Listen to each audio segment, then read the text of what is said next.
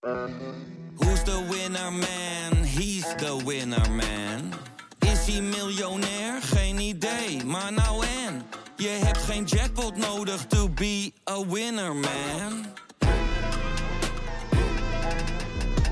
Oh oké, dat is wel lekker man. Van het enige varken in Afghanistan tot de spijbelpolitiek van Zweedse kinderen. De wereld, het boek dat wij samen met de Speld hebben gemaakt, is nu in de voorverkoop. Het is de meest betrouwbare landengids der landengidsen. Het beste boek dat je nooit mag gebruiken bij je eindexamen. Ga naar grotepodcastlas.nl slash boek, bestel hem en dan heb je hem eind juni in huis. Welkom bij de audioversie van de Atlas. Wij zijn drie geografen en in onze ogen is elk land de moeite waard. En hoe kunnen we zo'n land beter bespreken dan met gekke feitjes, mooie verhalen en kleine quizjes? Dit is de grote podcastlas.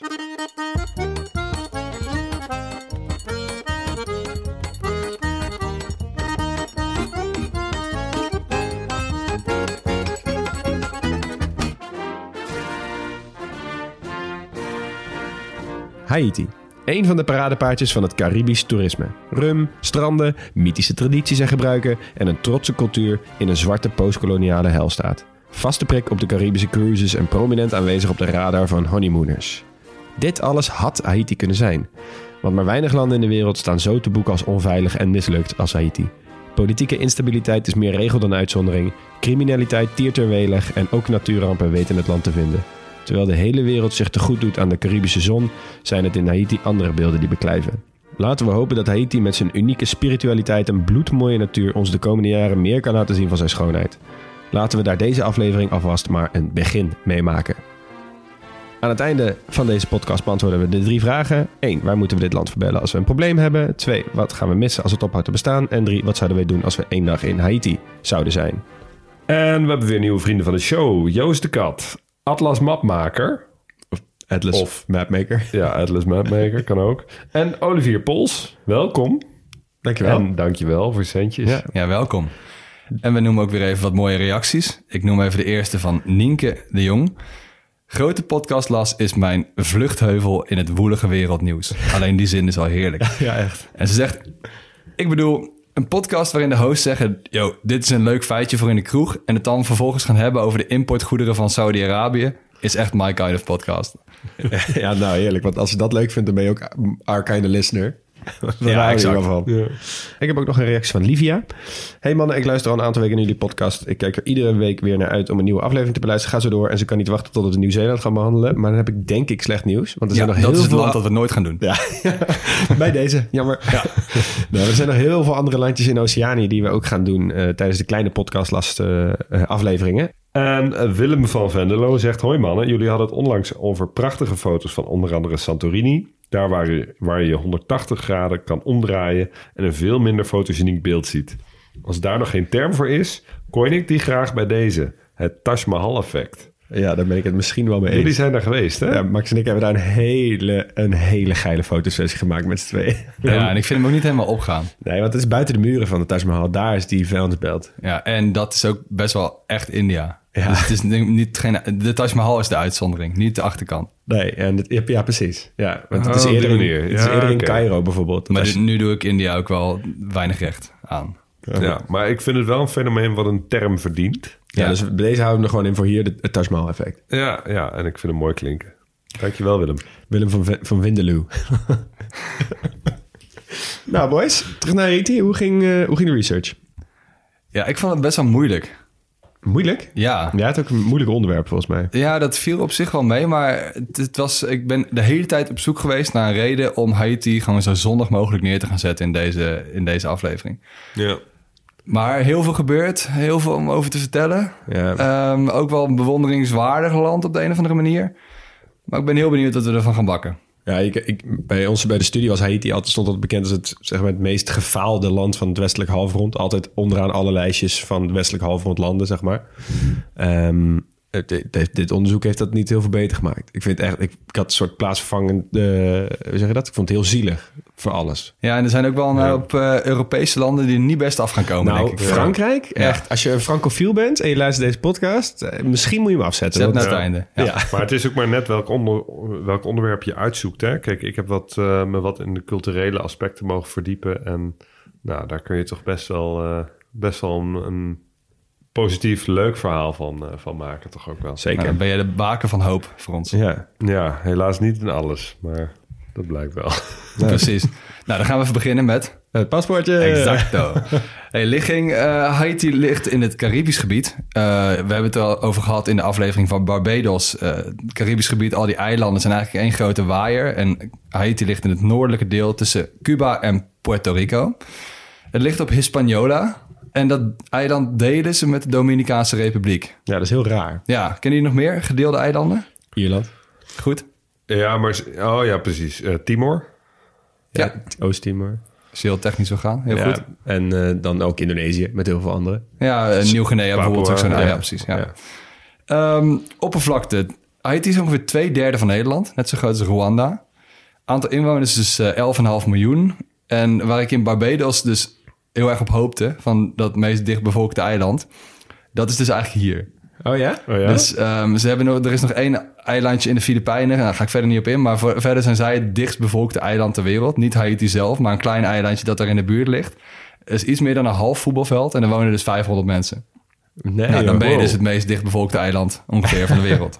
Oké. Gezellig. Hoofdstad is Port-au-Prince, op zijn Frans. En andere grote steden zijn eh, eigenlijk alleen eh, Cap-Haïtien, mooie naam ook. En heel veel andere mooie namen vind je in eh, de plaatsnamen Bombardopolis, Vet. Les Anglais, dus de Engelsen, en Au Silence, dus Wat in mooi, stilte.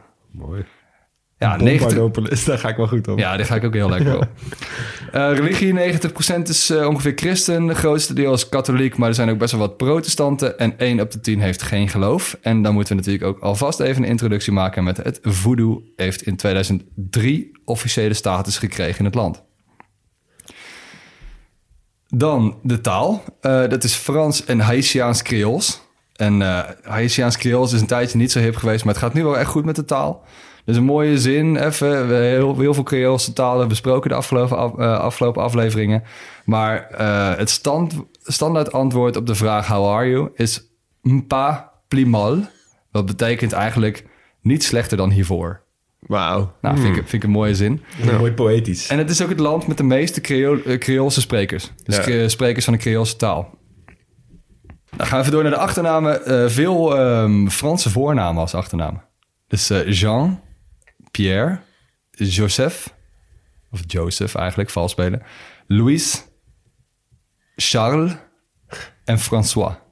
Er zijn veel achternamen, achternamen in Haiti. Ja, oké. Ja. Ik kan me wel een beetje bedenken waar dat vandaan komt. Ja, dat gaan we nog heel diep, eh, diep uitzoeken, denk ik. En eh, sluit ik even af met de vlag. Het is wel weer echt een mooie. Het is altijd een lekker hoofdstukje. Twee horizontale banen, blauw en rood. Wit eh, logo ertussenin met het, eh, met het wapen. Ik vind het niet zo mooi. Het is echt een soort, echt een soort peentje, lijkt het. Het is gewoon Ja. alsof ze gewoon logo, wit achtergrond, midden van de vlag. Nou, laat het daar maar. Ja. Dus ehm, nou, eh, kritisch moeten we ook af en toe zijn. En dit is dus een van die vlaggen die zijn eigen vlag afbeeldt. Wat we in Costa Oh, Rica ja. het, Ja, eh, dat het lijstje wat we op, dit, eh, op eh, socials hebben gedeeld. Op Twitter hebben we dat gedeeld Ja. inderdaad. Ja, Ja. heel. En wat wel mooi is met die vlag, eh, Spelen van 1936 waren in. Berlijn. Ja, Nazi-Duitsland. En dat je dus twee landen, waaronder je Haiti, die daar aankwamen met een hele ploeg. En er daarachter kwamen dat ze dezelfde vlag hadden als een ander land. dat ze gewoon van elkaar erachter kwamen van... hey, shit, jongens. We hebben allebei dezelfde vlag. en welk land was dat? Eh, nou, dat zal dan ver weg hebben gelegen. Blauw-rood. Ehm, Filipijnen? Nee, Korea? nee. Nog een keer raden. Papua? Nieuw-Guinea? Nee, het was Liechtenstein.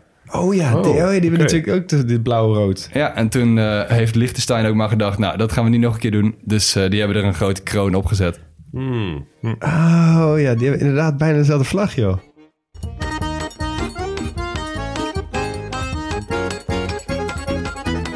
Oké, Oké, gaan we even kijken naar de bevolking in Haiti. En beginnen we even met mensen die er niet meer wonen. Namelijk de Taino. Dat is de oorspronkelijke bevolking van Haiti. Zeg je niet Taino? Taino? Ja, Taino staat inderdaad een accent op de i. Ja. Ehm, dat is een eh, bevolkingsgroep die op meerdere eilanden in het Caribisch gebied voorkwam. Eh, op heel Hispaniola, maar ook op, bijvoorbeeld op Cuba en eh, Puerto Rico.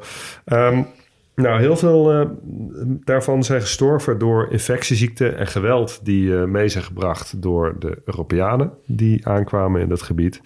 Ehm, en het, het gedeelte dat overbleef, dat is eigenlijk gemengd met de, de Europese immigranten. Dus als bevolkingsgroep zijn zij als zuiver ras eigenlijk eh, uitgestorven. Ik heb gelezen dat de Taino was het eerste volk wat Christopher Columbus aantrof Ja. toen hij naar Amerika Mhm. vaar- voer. Ehm, en dat eh, de, eer, de schattingen van hoeveel mensen er toen dus rond 1492 leefden in dat hele gebied, dat is tussen de 100.000 en 8 miljoen. Ja, dat is een Taino. vrij brede schatting. Ja, schatting. maar los, Maar los van de brede dat is een schatting, dat is, ja, maar die zijn dus gewoon, die zijn dus niet meer.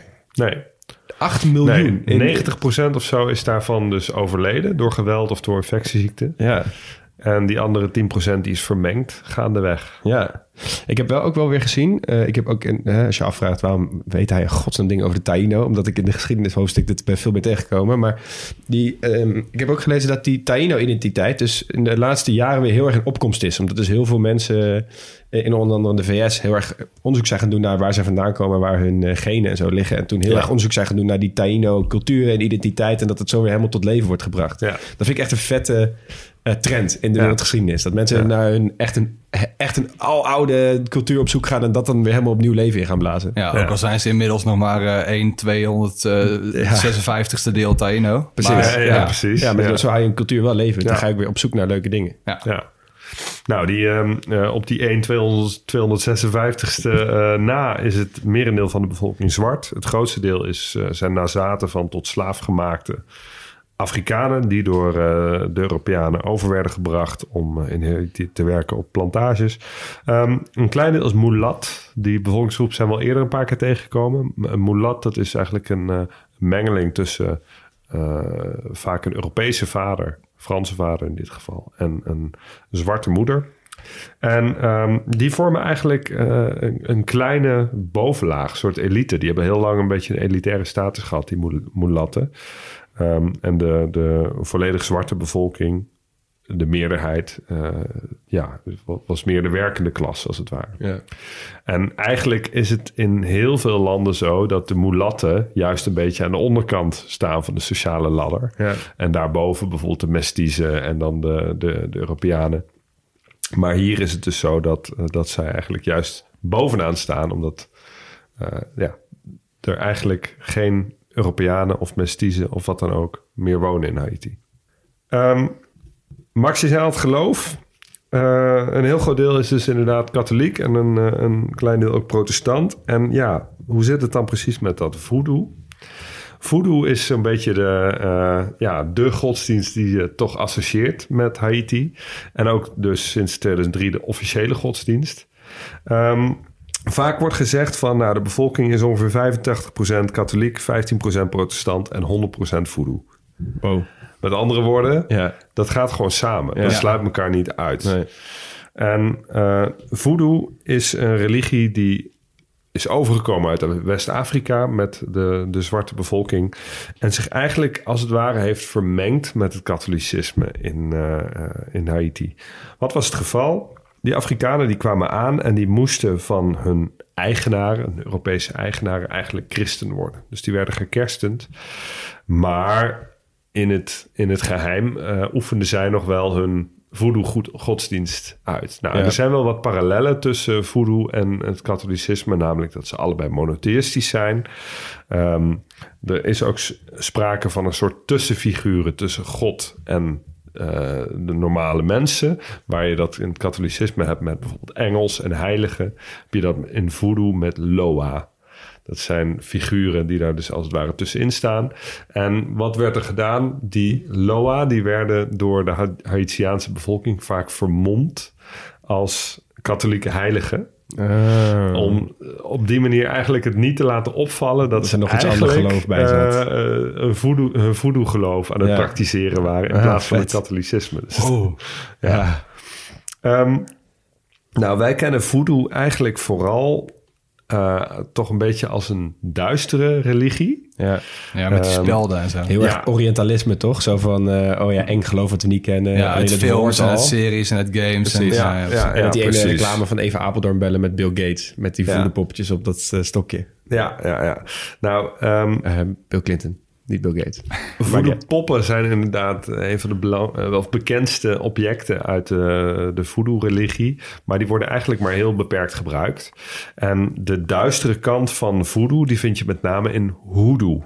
Hoodoo, dat is namelijk een beetje de magische kant van voodoo. Die zich richt op kruidengeneeskunde, maar ook bijvoorbeeld op ehm, eh, magie... waarbij je bijvoorbeeld probeert om zieke mensen beter te maken. Ja, ja. Of duistere magie, waarbij je mensen probeert Ziek te, vervloeken. Ja, maken. shamanisme of zo. Of Ja, een beetje dat... eh, Maar dat hoodoo, dat is eigenlijk een... eh, dat, dat is geen religie op zich. Dat is een, een magische kant van voodoo. Maar het staat er in principe los van. En het, het vormt eigenlijk maar een klein deel van het voodoo-geloof. ja, het dus iedereen die hoodoo praktiseert, die zal verwijzen naar voodoo. Maar niet iedereen die dingen met voodoo te maken heeft, eh, doet ook aan hoodoo. Nee, zeker niet. En het is, het is inderdaad maar een klein deel van het, eh, van, van het geloof. Dus eh, echt niet iedereen die gelooft in voodoo... is de hele dag bezig met eh, spelden en poppetjes prikken en zo. nee, nee, precies. Dat is Eh, weer de, die- de westerse Precies, dat is visie echt een westerse blik. Ja, dus ja. dus laat, dat, eh, laat dat heel duidelijk zijn. Oké, jongens. De geschiedenis van Haiti. Dit is even iets waar je inderdaad weer even voor moet gaan zitten. En ik bij voorbaat alweer een disclaimer. Ik ga het nooit zo goed weten te kunnen vertellen als dat wat, wat er daadwerkelijk is gebeurd. Want er is van alles gebeurd. Het was echt een strijdtoneel tussen de Spanjaarden, de Britten en de Fransen. Ehm, er is van alles gebeurd. Er is ook van alles gebeurd vanuit eh, de tot slaafgemaakte populatie van Haiti zelf. Dus ik ga in ieder geval beginnen. Eh, bear with me here. Ik hoop dat ik het goed doe. En anders dan stuur je mijn rectificatie in. We pakken hem even op waar eh, Columbus ongeveer ehm, eh, die hele regio heeft geclaimd tot de kroon van Spanje. Eh, en eigenlijk het hele, de hele Taino-bevolking heeft uitgeroeid door middel van ziektes en ook door oorlog. Maar eigenlijk verschoof die aandacht van die Spaanse kolonisten best wel snel al naar Midden- en Zuid-Amerika. Ze vonden die eilanden eigenlijk helemaal niet zo boeiend. Ze wisten niet zo goed wat ze daar moesten doen. Dus zijn ze daar weg. En toen hebben ze het eiland, dat heette Hispaniola. Hè, dat heeft hij zo genoemd. Dat betekent echt Spanje. Heeft hij overgelaten aan de piraten eigenlijk. Of eh, zoals ze het toen noemden, de zeeschuimers. Ik weet niet welke term ik mooi vind. Ik vind zeeschuimers fantastisch. Ja. Maar goed, eh, je hebt dus ook nog woorden als uh, boekanier en filibustier. eh piraten. En eigenlijk een soort andersoortige piraten. Geef maar een beetje aan hoe belangrijk dat toen was. Ja. Nou, vanaf het midden van de 17e eeuw kwam het geleidelijk in handen van de Fransen. Eh, daar werd er heel veel gevochten. Ook in Europa werd er heel veel gevochten. Dus op een gegeven moment had je de Vrede van Rijswijk in 1697. Ja, ja. En toen eh, werd links en rechts wat geschoven met gebied, zoals dat wel vaker werd gedaan met verschillende vredes. En toen werd eh, Hispaniola officieel Frans en werd het omgedoopt door Saint-Domingue. Ja. Dus het Franse Santo Domingo, zeg maar eigenlijk. Eh, nou, en dat groeide in no time uit tot een van de meest rendabele van alle Europese plantagekoloniën. Het was echt de kurk waar het Franse eh, rijk op dreef, zoals ze dat zo mooi zeggen. Engeland deed zijn best, Nederland deed zijn best. Hè? eh, maar als eh, wat wij in tegenwoordige tijd zien als zeg maar de meest rendabele kolonie, zou dat ooit, dan zou dat ongeveer Haiti zijn. Ja, ik las inderdaad dat ergens in de 18e eeuw... dat er geen, geen kolonie zoveel geld opbracht als Hispaniola. Exact. Was Ja. net zo'n 40% van de suiker Ja, en 60% van de koffie precies. Ja. kwam daar vandaan. Ja, bizar toch? Sterker nog, op een gegeven moment was de helft van de totale consumptie van de wereld kwam daar vandaan. Van de suiker en koffie. Ja, echt. Dat Echt gaat echt nergens om. ongelooflijk. Maar goed, iedereen weet tegenwoordig dat dat deden die Fransen niet zelf. Dat was namelijk, dat werd gedaan op een bruut systeem van slavernij op echt een bizar industriële schaal ongeveer. Er werden echt tot aan 40.000 sl- tot slaafgemaakte Afrikanen ingevoerd in Haiti per jaar. 40.000. En dat was ook omdat dus 50% van de, van de Afrikaanse bevolking die aankwam op het eiland, die stierf binnen een jaar. 50% En daardoor gingen die plantagehouders daar dus gewoon maximaal belasten. Omdat ze het idee hadden, ja, al die, al die tot slaaf gemaakte mensen... die gaan toch binnen een jaar dood. Kunnen ze net zo goed volle bak gewoon uitbuiten. Ja, en dat heeft natuurlijk echt verschrikkelijke gevolgen.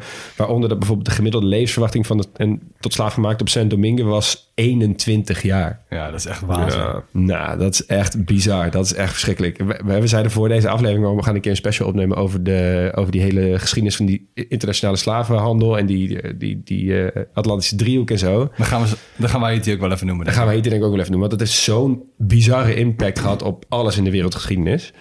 Eh, maar goed, maar ehm, even terug naar Haiti. Daar werd dus, of in ieder geval terug naar Saint-Domingue. Daar was er zoveel geld dat zeg maar, los van alles wat terug naar Frankrijk ging, was er ook heel veel geld dat vloeide uit in het land zelf.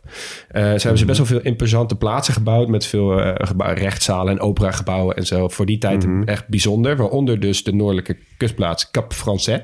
Cap. Eh, jij noemde hem al even in het paspoortje. Eh, en dat was een heel bizar plek eigenlijk. Want het was rond eh, 1780. Het was gewoon kaarsrechte straten en supermooie gebouwen, stenen huizen. Wat voor die regio natuurlijk echt bizar was. Want dat was nou, ten tijde van eh, George Washington. Ja. Dus waar hebben we het dan over, weet je wel? Ja. Ehm, eh, de stad had ook rond de 17.000 inwoners. Eh, en eh één op de vijf mensen die daar woonden toen was een, eh, hè, een witte Europeaan. Dus er waren vier zwarte op elke witte Europeaan. Dus wat ook nooit zo gezien was dat dat samen zo, eh, zo samenleefde. Dit is wat wij nu kennen als Cap Haïtien. Dit was een Ja. kennis Capéchin. Ja, ja. precies. En je had daar botanische tuinen, literaire gezelschappen, kunst en wetenschap en badhuizen en zo. Nou, Ja. eh, één groot eh, gekhuis daar. Ehm, maar d- d- was dus ook een hele gekke samenkomst van omstandigheden. Want je had dus die internationale handel van al die koffie en suiker.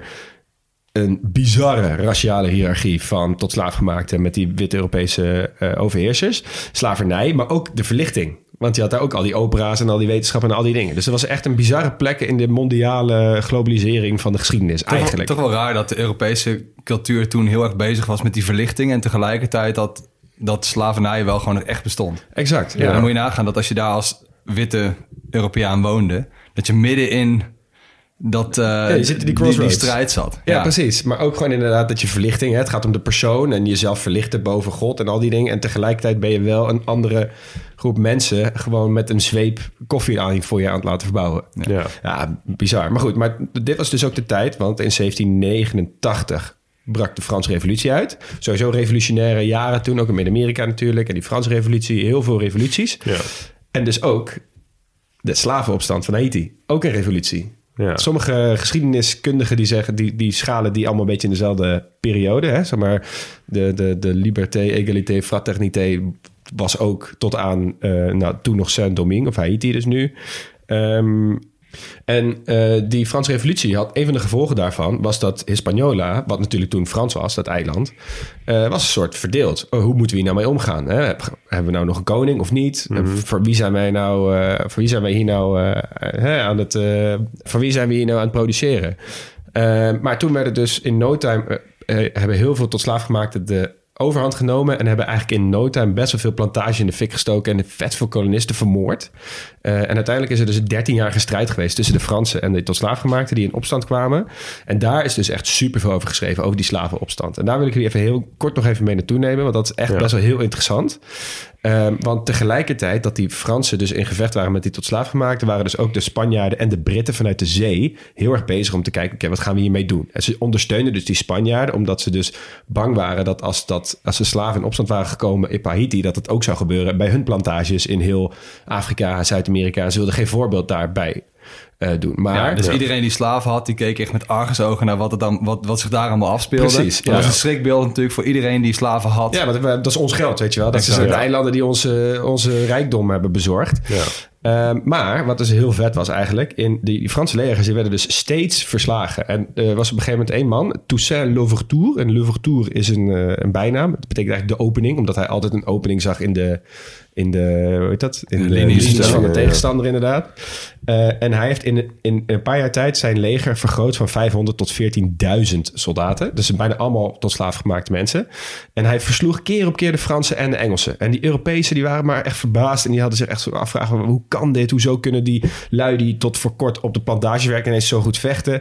Eh, maar dat was dus omdat toen ze uit Afrika waren, kwamen ze eigenlijk daaruit. Daar waren ze al soldaten en daar waren ze al aan het vechten. En die hebben dus eigenlijk gewoon krijgs soldaten overgevaren naar plantages. van Trooien binnen, binnen Ja, maar dat gehaald. zijn je had natuurlijk de allersterkste mannen binnen. En dan Ja. waren daar ook gewoon mensen die vochten in legers en zo. Dus die, Ja. waren, die waren vet goed in eh, het vechten tegen die Fransen. Ja. Ja. Nou, even fast forward naar eh, 1802. Toen was er dus nog steeds strijd. Maar toen heeft eh, Napoleon, eh, hè, ieder wel bekend Napoleon, had gezegd... Oké jongens, eh, als, eh Toussaint, als jij je overgeeft... dan zullen wij eh, Haiti niet meer aanvallen... en dan zorgen we ervoor dat jullie er gewoon zo mogen blijven... en dan krijg je amnestie en allemaal prima. Toen heeft, heeft hij daarin ingestemd... en eigenlijk heeft Napoleon gewoon meteen die afspraak genegeerd... heeft hem in de cel geflikkerd en is hij daar eenzaam gestorven... wat echt een verschrikkelijke move was van de Fransen, uiteraard.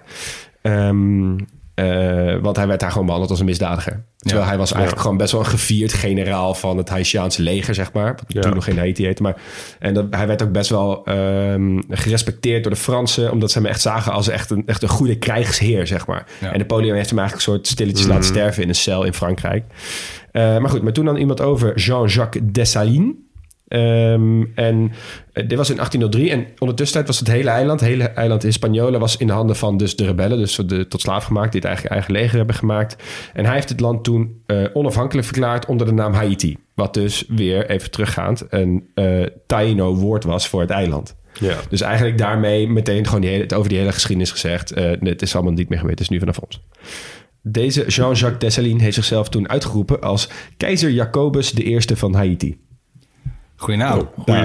Ja, gewoon meteen denken, fuck it. Weet je, ik doe gewoon precies zoals de Europeanen. Ik kom mezelf gewoon meteen tot keizer.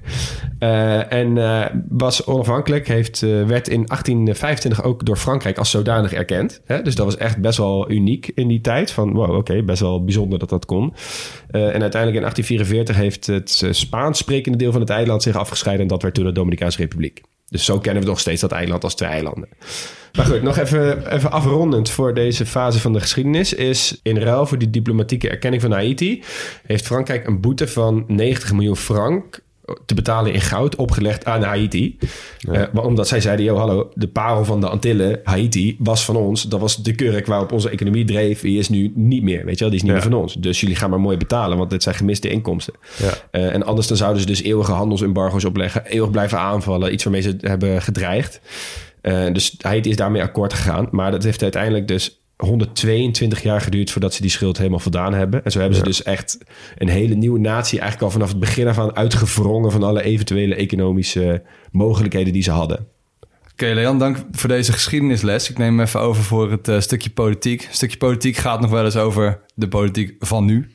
Ehm, Jij bent gestopt bij de onafhankelijkheid. Is het 1840 ongeveer, zei je? Ja, 1811. weet je die, eh, dat Haiti de schuld heeft voldaan in 1945, 47, ja, ongeveer. Nou, tijd dat is perfect voor nu, want eh, daar gaat mijn politiek stuk pak daar ook ongeveer op verder. Ja. Ook best wel nog lang geleden, maar er is zoveel gebeurd de laatste tijden, dat je die politieke geschiedenis eh, toch best wel weer ver terug kan trekken de 20ste eeuw in. Eh, gaan we even naar eh, de tijd tussen 1934 en 57 was er heel veel instabiliteit. Sowieso als je eh, de Haitiaanse politieke geschiedenis eh, van tot die tijd, of vanaf die tijd tot nu hebt ongeveer, dan is het of mega grote schurk en mega grote instabiliteit. Dus je mag kiezen welke, je, eh, wel, welke, welke je het liefste wil. Nou, allebei natuurlijk niet ideaal. Rond die tijd, tot 1957, heel veel instabiliteit. Heel veel eh, regeringen die constant elkaar bevochten. Ehm, de VS heeft daar nog een tijdje gezeten. Die probeerde daar een militaire garde te installeren. Die bleef weer over nadat de VS terug was getrokken. En die wilden ook weer de macht pakken. En je hebt die zwarte bevolking, die hadden allemaal invloed. En je had ook nog die mulatte elite die ook een greep deed naar de, naar de, naar de, naar de macht. Dus dat was niet ideaal. Rampencocktail. Ja, en toen in 1957, toen kwam er iemand aan de macht en die heette François Duvalier. Mooie naam, Heel mooi nou. maar niet zo mooi vet. Nee, dat vreesde ik al. Ja, ehm er was een arts. Had al best wel veel imposante dingen gedaan. En mensen hadden echt wel grote verwachtingen van hem. Maar hij had ook hele grote verwachtingen van zichzelf. En uiteindelijk, doordat zijn arts eh, verleden... ehm, dat hij dat zo sterk bij zich droeg... noemde iedereen hem Papa Doc. Oh ja. ja Doc, Ook een hele mooie naam. Ja, Papa Maar Doc. toch. Maar dit Doc komt dus echt omdat hij een dokter was. Ja, Ah, zijn achtergrond ja. als, eh, als arts. En die begonnen uiteindelijk met hele mooie plannen. Dus eh, armoede, analfabis- analfabetisme wilde die aanpakken. Maar uiteindelijk ehm, bleek het niet zo'n hele fijne vent. En hij, werd, hij had eigenlijk een steeds harder bewind tegen al zijn tegenstanders. Hij werd steeds wantrouwiger. eh, zeker toen er vanuit eh, Cuba een invasie kwam in 1959. En eigenlijk eh, vanaf het begin heeft hij hulp gehad van zijn soort van paramilitaire organisatie. Eigenlijk een soort privéleger, de Tonton Macoute heette zij.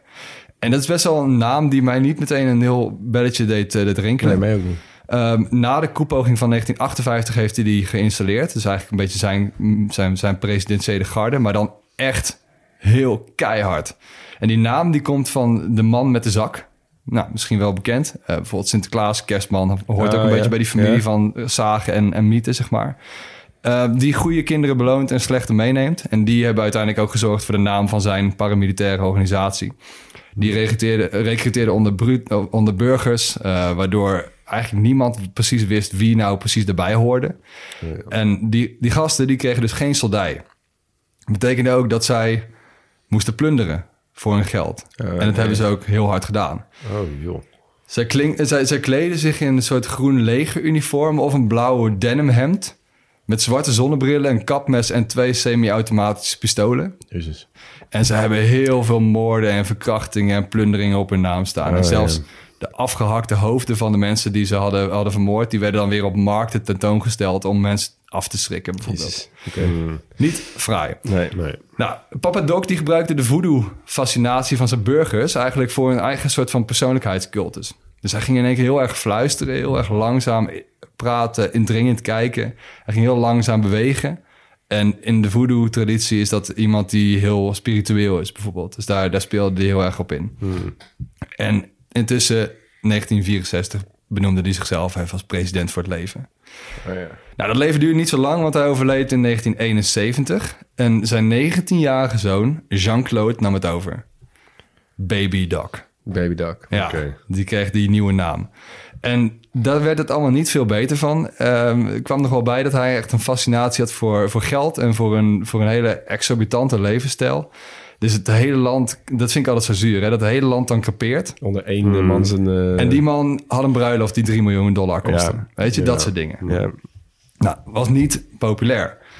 Maar goed, zijn, zijn land had wel eh, ervaring met opstand tegen brute leiders. Eh, en zo ook eh, groeide het verzet tegen Baby Doc. Hij vluchtte het land uit en eh, hij vervloekte tussendoor nog even het presidentiële bed. Met voodoo. Met die hoodoo dus. Oh ja. Eh, en hij heeft toen 400 dollar per kind betaald. Twee kinderen uit een ziekenhuis gekocht en die geofferd. Wat? Duister. Wauw. Oké, heftig. Maar hij mocht wel in Frankrijk eh, komen daarna. En hij had nog een, eh, een, een, een kasteel en een, eh, en een hele dure auto. Dus hij heeft daar in, in ballingschap heeft hij daar geleefd. Ehm, nou, het, het zure van dit alles was dat dit alles zich afspeelde... in een soort internationale context van een tijd in de Koude Oorlog. En Ja, de ja. Duvaliers, dus Papa Doc en Baby Doc... waren zeer anticommunistisch. En kregen dus heel veel financiële hulp van de Verenigde Ja. Staten. Ja. Echt. Om in het zadel te blijven. Dat is echt ook weer een rode lijn in de heel veel landen die we hebben besproken, jongen. Ja. Hoeveel achter de schermen eigenlijk... Ook, zag ook bij Paraguay. Ja. Als je zeg maar pro of tegen het communisme of het Westen was... dan kreeg je gewoon geld, je kreeg wapens, ondersteuning van alles en nog wat. En dat heeft zoveel politiek eh, beïnvloed... dat dat tot nu nog overal te zien We is. hebben dat denk Ja. ik in bijna alle Latijns-Amerikaanse landen gehad die we nu, die we nu kennen. Ja. En het zal Ja. ook niet de laatste zijn. Nee. nee, want we zitten, laten we wel wezen, 200, 300 kilometer van Florida. Ja, daarom. Dus het is wel, echt eh, ja. anderhalf uur vliegen of zo. Dus het Ja. scheelt, ja, dat, dat scheelt dus, echt niks. Dus je snapt dat, eh, dat, dat ze de achtertuin eh, ja. gunstig gezind wilden laten blijven. Nou, op een gegeven moment eh papa Doc dood, eh, baby Doc gevlucht. Ehm, de, de jaren daarna waren heel, daar was weer heel veel instabiliteit die je dan krijgt. Dus je had eh, Jean-Bertrand Aristide en later René Préval. Die waren, die waren toen aan de macht. Nou, eh, die, die deden veel pogingen om het land beter te laten functioneren. Maar ook daar zag je weer veel coups en slechte samenwerking, bijvoorbeeld met het leger. En ehm, in 2017 kwam Jovenel, Jovenel Moise aan de macht. Mooi, Moïse. Moïse. Ja.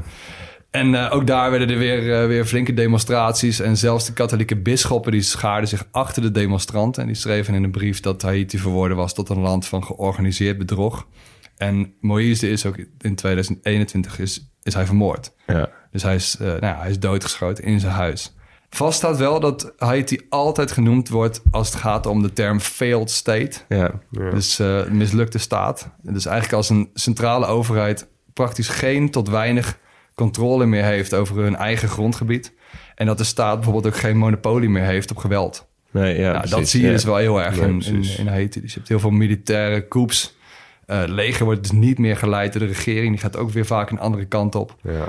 Heel veel criminaliteit en veel corruptie. Je zou echt een totale reset willen eigenlijk. Ja. Ja. Maar Ja, dus de meeste failed states liggen in- Afrika en het Midden-Oosten. En Haiti is dus stevast wel in dat lijstje, maar dus het enige in de Amerika's. ja.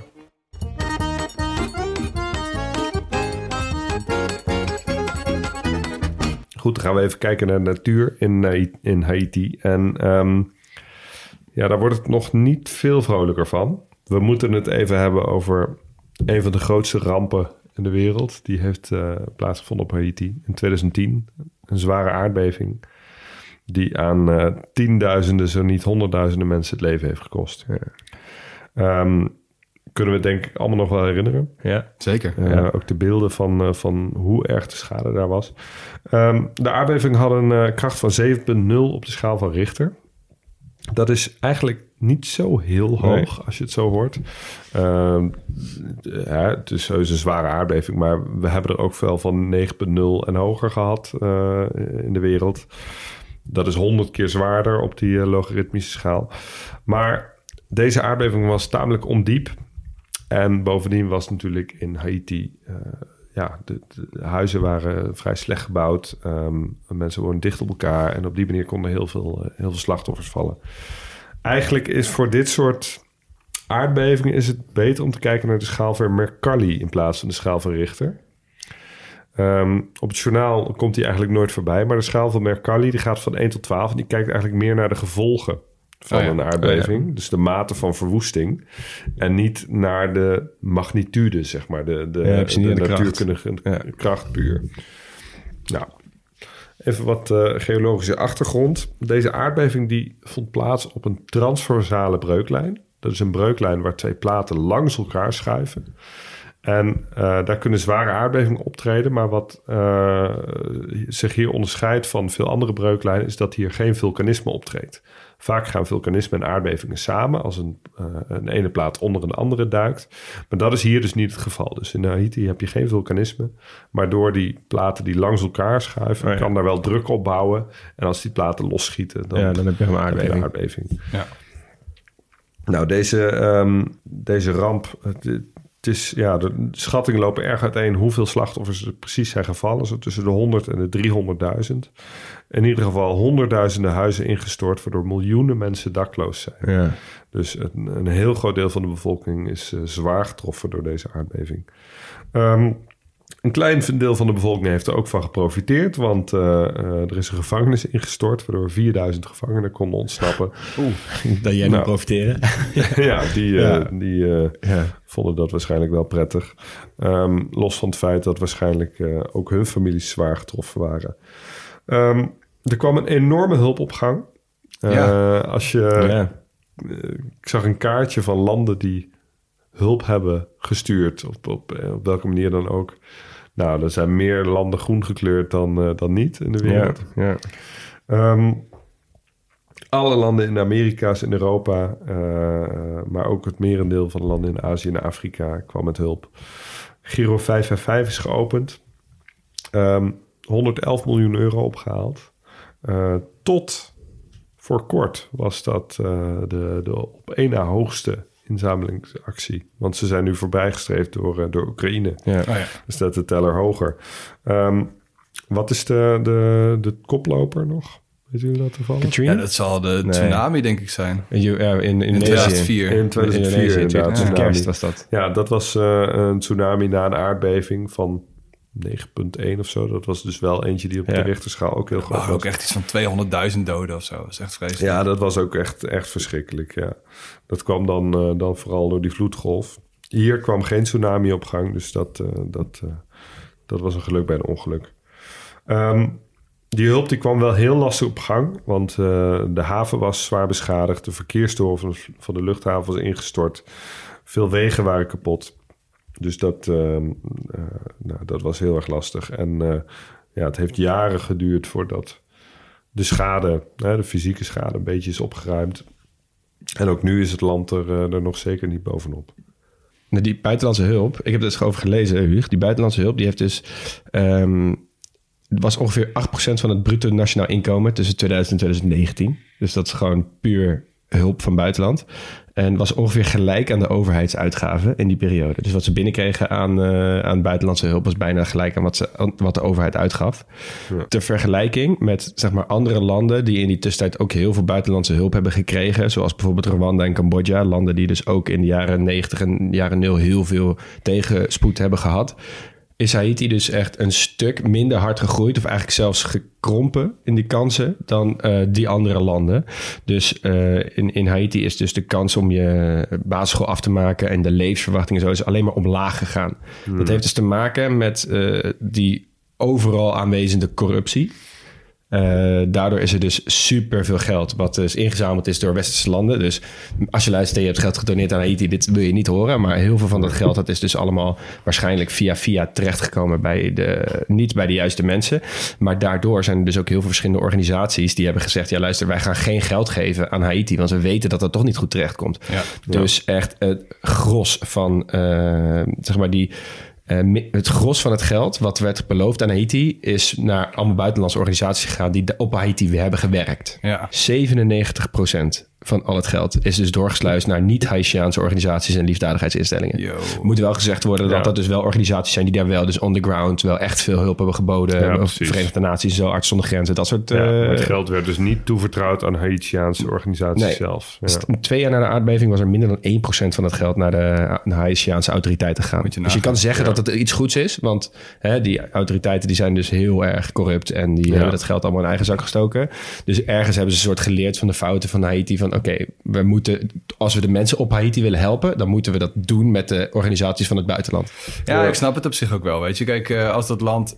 Ik bedoel, corruptie is zo'n moeras voor geld ook. Ja, echt. En dus op het moment dat je, dat je zo'n corrupt land hebt, dan, dan weet je zeker dat als het naar zo'n land gaat, dat het waarschijnlijk niet goed, eh, goed terechtkomt. Ja. Nou, ga je het dan maar zelf doen, maar dan weet je dus ook niet of het goed terechtkomt. Nee, en wat dus ook lastig is, is dat er toen de tijd is een rapport uitgekomen dat die Jean-Claude Duvalier, weet je wel, Baby Doc, Ja, ja. dat hij dus in zijn 15-jarige tijd dat hij aan de macht is gegeven, waarschijnlijk iets van 800 miljoen dollar aan hulpgeld heeft eh, gestolen, heeft zelf heeft gebruikt. Ja, dat was al dat geld vanuit de Verenigde Staten waarschijnlijk. Precies, ja. nee, ja, Ja, dus dat, dat was ook verschrikkelijk. Nou, even verder kijken naar, eh, naar hoe het land er verder uitziet eigenlijk. Ja, het is een heel heuvelachtig eh, land. Ook wel, eh, ook wel echt wat, wel wat bergen op sommige plekken. Heel veel kustlijn. Oorspronkelijk was het bedekt met heel veel bos. Echter zijn er heel veel, heel veel bomen verdwenen. Ontbossing op Haiti is echt enorm geweest. En hij heeft een aantal redenen gehad. Ehm, een van de redenen is om landbouwgrond te winnen. Dat gebeurde dus al in de, in de koloniale tijd. Voor de teelt van koffie, tabak, suiker, et cetera. Een andere is eh, eh, voor het winnen van houtskool. Er Oh, wordt heel veel gekookt op houtskool. ja. oh ja. En ook nog steeds. Dus dat is nog steeds een reden om, eh, om bomen te kappen. Ehm, en eh Leon, jij vertelde over die schuld die ze hadden bij de Franse regering. Die 90 miljoen frank. Nou, die hebben ze deels afge- afbetaald door hout te exporteren naar Frankrijk. Ja. Dus eh, op die manier hebben ze, hebben ze heel veel bomen moeten afstaan. Nou, dat maakt ook dat ehm, die ontbossing in Haiti eigenlijk veel eerder optrad dan in veel andere gebieden. We hebben het nu vaak over ontbossing in Indonesië, Brazilië en Congo. Dat is allemaal iets van wat in de laatste 10, 20, 30 jaar enorm is toegenomen. Maar hier was het dus in de 19e eeuw een heel groot probleem. Ja.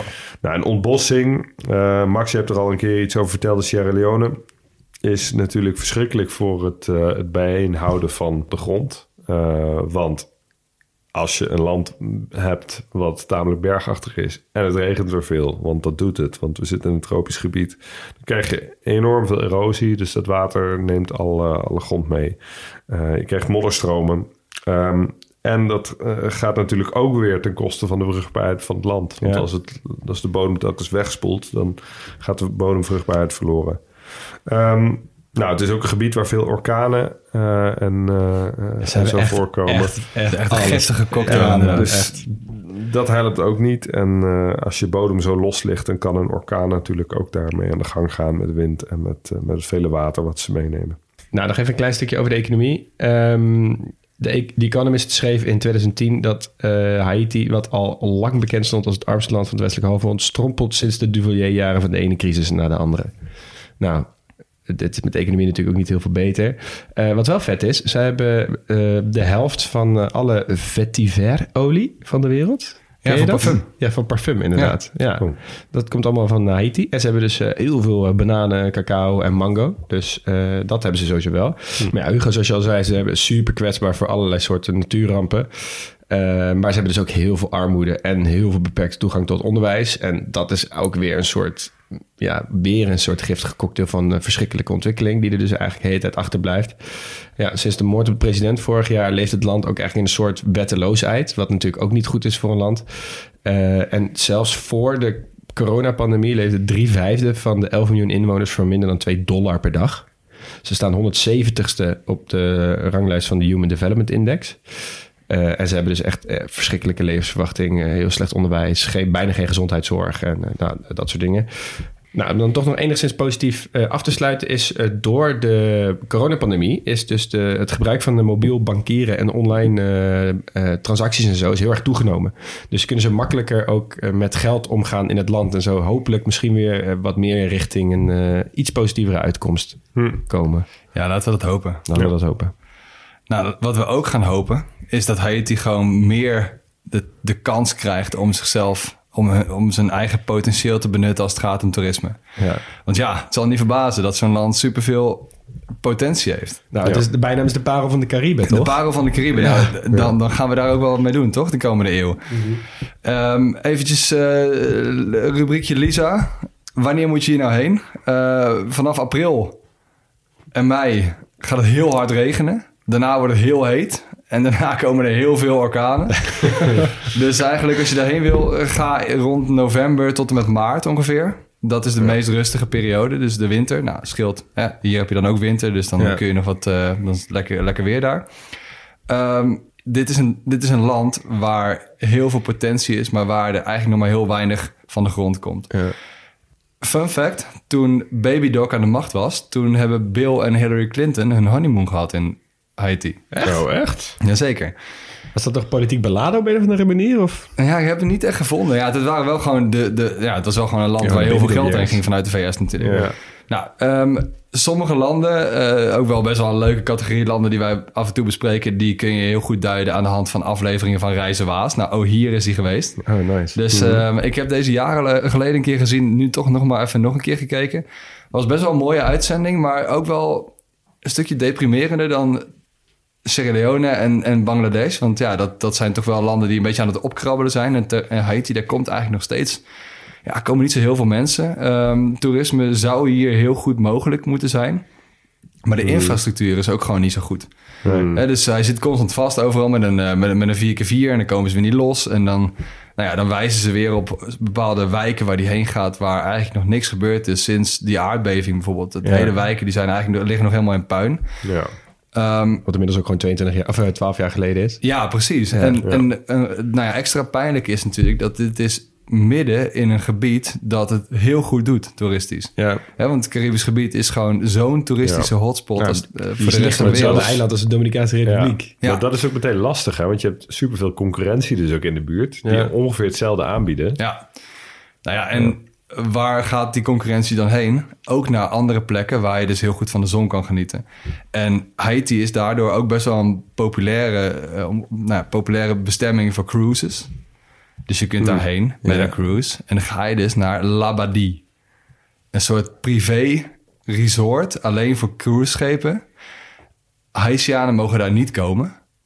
Als je daar aanmeert, mag je eigenlijk niet van die compound af. Ja.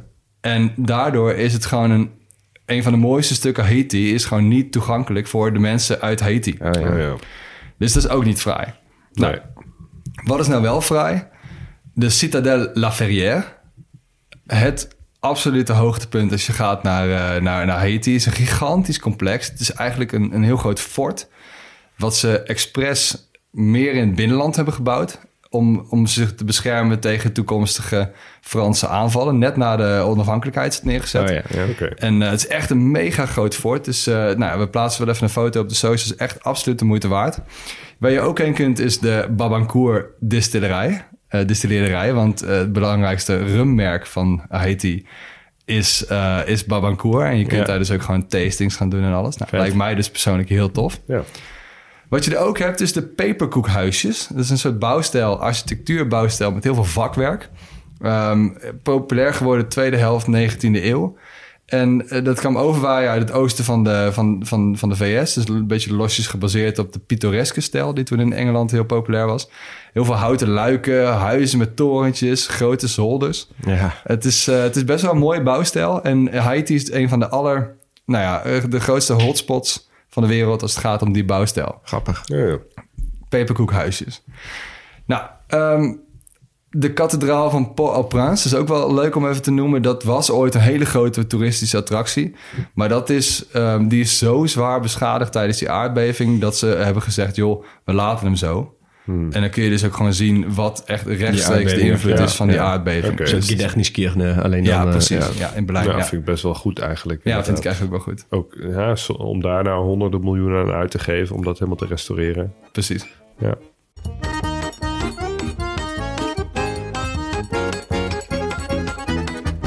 Nou, kunst in Haiti. En Haiti heeft best wel een unieke cultuur. En dat komt omdat het in de Amerika's een van de weinige landen is met meer Franse dan Engels of Spaanse invloed. Ja. Oh ja, En die Franse invloed die zie je best wel terug in de, in de muziekcultuur bijvoorbeeld.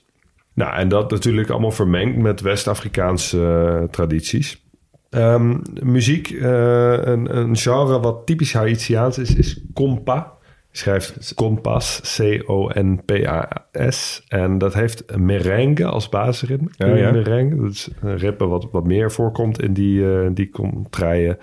En dat is een beetje gemengd met Europees stijldansen. Dus het is... Oh, vet. Een beetje Ja, als die- Franse bal, ballroom Precies, dancing. die echte ballroom dancing ehm, met, met, met het ritme van die merengue. om samen die compa, eh eh, Haitiaans genre. Ehm, maar de bekendste artiest eh, moeten we toch wel naar, eh, naar de moderne tijd toe en de popmuziek. En dan hebben we het natuurlijk over Presidentskandidaat. zeker. presidentskandidaat Wyclef Jean. De Wyclef. Toch mooi, hè? Me- meest voorkomende achternaam. Nou, Jean. Wyclef zit er gewoon in. Ja, precies. Zit er gewoon bij. Ehm, hij is wel als kind naar de VS verhuisd. Dus eh, hij, eh, ehm, ja, is, nou, hij is wel echt Haitiaans... maar heeft zijn muziekcarrière toch vooral vanuit de Verenigde Staten vormgegeven. Hij heeft in Nederland een aantal keer een, eh, eh, een topnotering in de top 40 gehad. Ehm, een aantal keer ook met de Fugees, waar Ja, hij zeker. lid van was.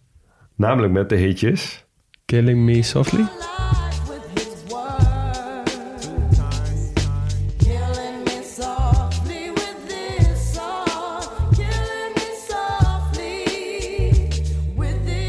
Killing Me Softly, zeker. En Oh ja. andere bekende. Ja, dit, zijn, dit is echt zo'n groep waarvan je zoveel kent, maar nu, ik heb Dus even het niks eerste, woord van... eh, Ready? Ready or not. Ja, tuurlijk. Ah ja, tuurlijk. Precies, ja.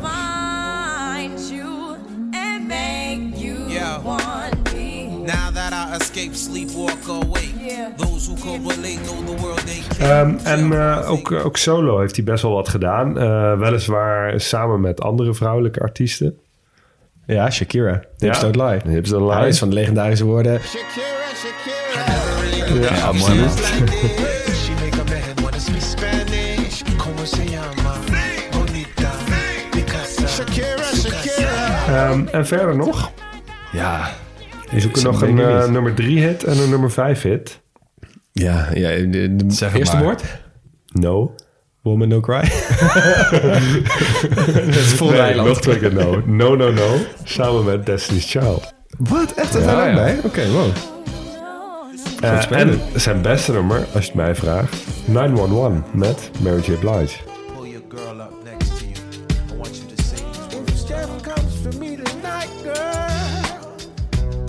I want Oh, is dat ook, is dat Oh, ook met met- hem? Ook met ik hem. vind Mary J. Blige dat is wel Ja, maar dat is precies wat je zegt. Is dat ook met hem? Ja. Dat is echt Wyclef Jean. Hè? Ja. Hij, hij is vaak een beetje in de schaduw van andere artiesten als co-producent.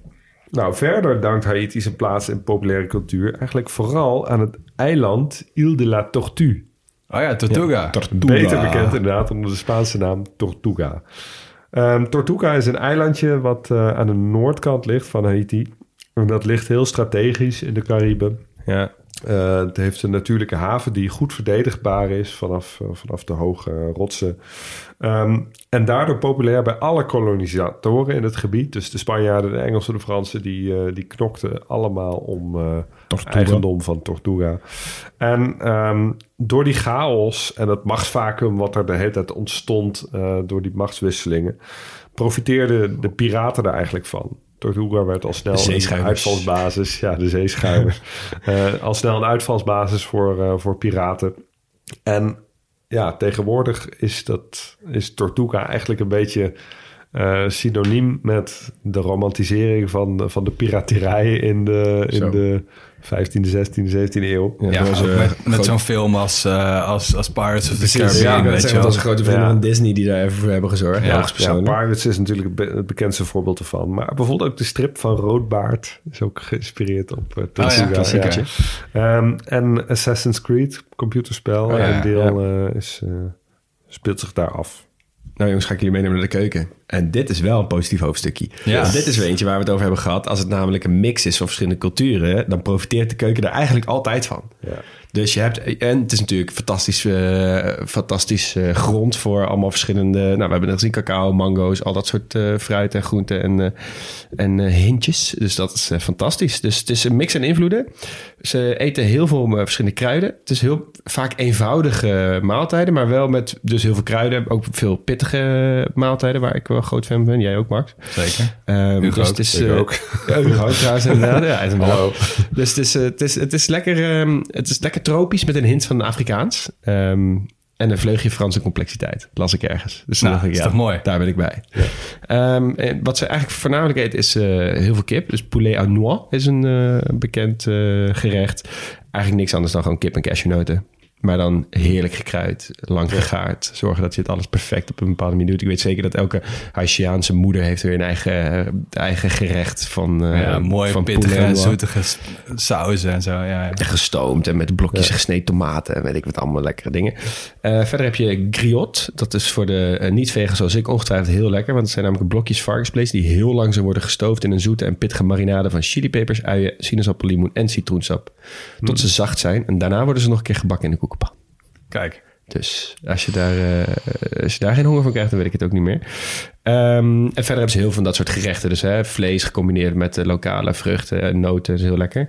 Ehm, maar wat natuurlijk ook heel belangrijk is in de regio, is drank. Ja, de rum. Ik denk dat we dat op elk Ja. Caribisch eiland wel zullen moeten gaan eh, behandelen. Ja, maar ik denk dat de rum zo'n breed hoofdstuk is... dat we bij elke, elk land waar we het over hebben... net weer een nieuwe invalshoek kunnen ja, krijgen. maar deze dus echt een nieuwe invals, invalshoek, want je spelt het zelfs anders. Je schrijft een rum met een H ertussen, dus Ja, ja, R-H-U-M. En het verschil zit hem in dat, ehm, eh, en nogmaals, correct me if I'm wrong, maar de Engelse en Spaanse rum wordt dus onder andere gemaakt van melasse. Maar Mhm. de Frans sprekende landen en oud-koloniën, waaronder Haiti, die gebruiken puur suikerrietsap. En dat is echt een groot verschil. Oké. Verschil, verschil in de rum. Ik heb nog even, ik ben twee winkeltjes langs geweest vanmiddag. Helaas geen rum van Haiti. Die vent zat me ook aan te kijken. Wat kom jij hier vragen? Ja, die, die stuurde je al bijna met een fles Captain Morgan naar buiten. Ja, inderdaad. Hij zei, nou, dit is het dus sowieso niet. Nee, dus, maar die Franse rum, of rum agricole, heeft dus ook een eh, beschermde herkomstbenaming. Of in het Frans, als het heet, een appellation d'origine contrôle. Zoals bijvoorbeeld cognac of champagne. Ja, oké. Een AOC, AOC noemen ze dat. Zijn ze heel goed in in Frankrijk. Ja, zijn ze heel goed in in Frankrijk. Eh, dan, eh, tenslotte, het, de cremas is eh, de feestdrank van Haiti. Het is een soort eh, een mix van gecondenseerde en verdampte melk... met eh, kokosnoodroom en nootmuskaat, kaneel, vanille, limoen en rum.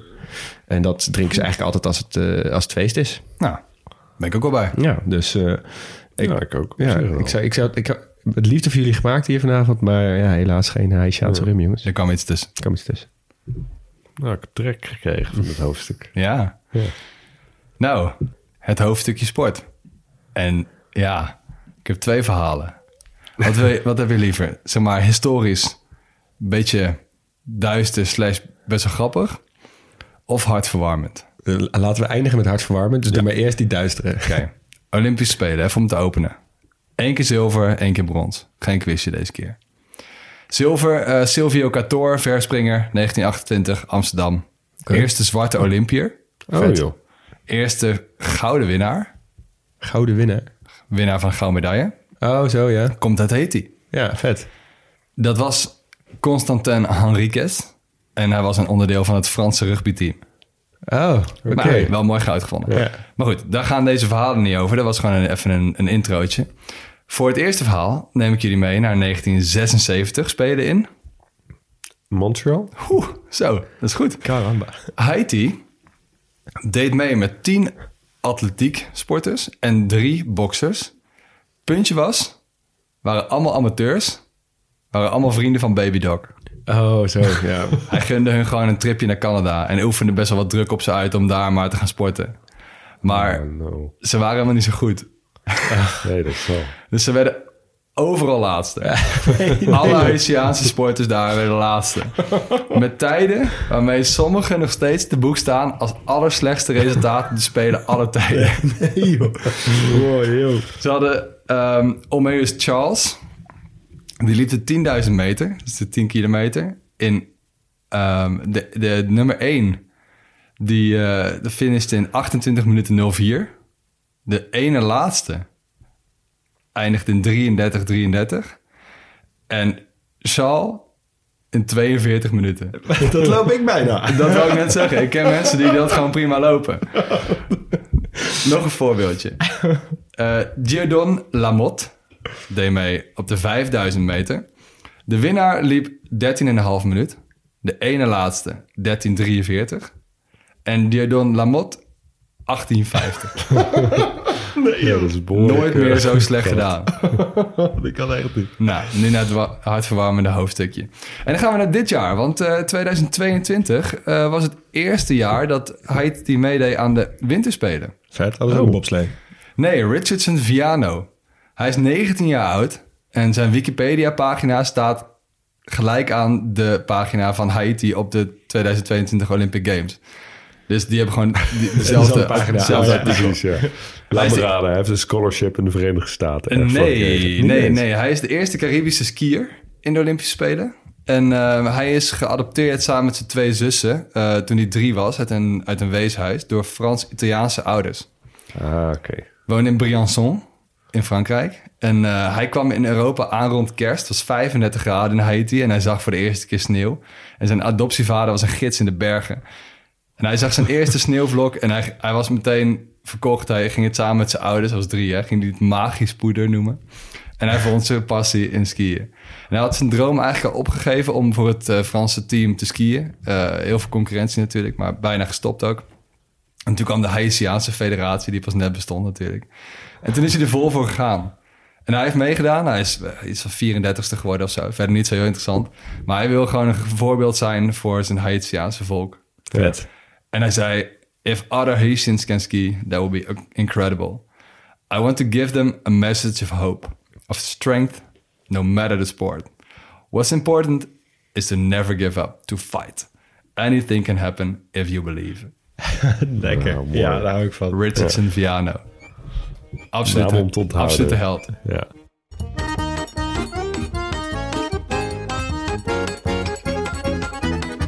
Oké, jongens. Ehm, ik durf bijna niet te vragen, maar als wij een probleem hebben, waar, waar moeten wij Ha- Haiti voor bellen? Ja, ik heb de uitzending gezien van Reizen Waas. Ik heb toch best wel wat Haitianen gezien. En zo'n spirit. Ja, die spirit. Ja, Ja. Ja. die hebben het moeilijk, joh. Die hebben het echt decennia aan politieke instabiliteit, corruptie. En toch zo, zo veerkrachtig. ja, maar ook hoe je hoop kan vinden in een, in een periode die eigenlijk op alle fronten wordt je tegengewerkt. Ja. Je, hele, je hele eiland wordt tegengewerkt door de natuur, door de cultuur, door de geschiedenis, door van alles en nog wat. En Ja. dan alsnog weet je hoop te vinden en dat soort ja, bizarre situaties. Daar kunnen Ja. veel Nederlanders nog wel wat van leren. precies. Daar hebben we toch best wel een beetje gebrek aan soms. De spirit van Haiti, daar, eh, daar kunnen we veel van, eh, van leren. daar kunnen we ze voor bellen als we Mooie een naam probleem van hebben. cruise ship ook. Als we binnenkort die eh contraille aan gaan doen. Ja. Eh, en wat gaan we missen als Haiti nu ophoudt te bestaan? ja, veel rum. Veel rum. Mike of Sean, sowieso. En toch het op één na eerste onafhankelijke land uit de koloniale tijd. Ja, en Ja. Eén één met een succesvolle eh slavenopstand. Ja, daarom. Ja, Ja, precies. Want, ehm, Eigenlijk de eerste zwarte natie van de wereld. Ja, want de VS geldt als eerste. Hè, dus als eerste koloniale land dat onafhankelijk is geworden. Ja, misschien ja. een beetje flauw. Daarna, van de echte koloniën, was gewoon Haiti gewoon de allereerste. Dus ja, dat ga ik je gewoon missen. Ja. ja, die hebben echt wel een bijzondere geschiedenis. Zoveel potentie ook, joh, dat land. Dat is echt, het zijn, meer mensen zouden die geschiedenis moeten weten. Dat Ja. is echt bijzonder, maar ook echt... Ja. Oké, we zijn één dag in Haiti. Wat gaan we dan doen? Nee, ik ga naar de hoofdstad, Port-au-Prince. En ik ga daar eh, op het terras zitten en eh, van het heerlijke eten genieten. En met mensen praten over wat er allemaal eh, zich heeft afgespeeld in dit land. En eh, hoe ze hun ru- rug telkens weer weten te rechten. En ehm, ehm, ja, waar ze hoop uitputten. Ja, Vind ik een hele mooie. Vind ik ook een hele mooie. Ik ga daarbij en ik ga tegelijkertijd ook eh, gewoon naar het strand. Ja, Ik ga daar eens kijken wat ze daar eh, voor... eh, want ik weet zeker die Haitianen, als ik zie wat voor hoop zij hebben kunnen putten... en die spirit waar we het net over hadden, dat ze dat op het strand Ja, ook zeker weten wel goed doen. ja en ik ga naar Ja. citadel. Die is Oh ja, echt die is ja. zo groot en, en, en machtig. En bovenop die berg, ja, ik moet daarheen. Ja. Vertel, Ja. vertel ik wel aan jullie hoe het was. Ja, dat is En dan gaan we s'avonds gaan we, gaan we de ru- rum proeven. Ja. Ja. Niemand gaat naar Tortuga. Ja, eigenlijk wel. Maar Oh, ja, ik heb, had ik net moeten zeggen. Dit was weer een hoofdstuk van de grote podcastlas. Wij zijn Leon Boelens, Max Gerritsen en Hugo Noordman. De eindmontage wordt gedaan door Jonas van Impen. Zoals je hoorde zijn we nooit volledig, maar wel origineel. Geen experts, maar wel liefhebbers. Hebben we iets verkeerd gezegd of zijn we iets cruciaals vergeten? Volg ons en laat het weten via Twitter of Instagram op @grotepodcastlas. Je kunt ons enorm helpen door je vrienden, familie en collega's te vertellen over onze podcast of door vriend van de show te worden. Daarmee steun je ons met een klein bedrag en kunnen wij weer mooie nieuwe afleveringen maken. Volgende keer reizen we naar Laos. Au.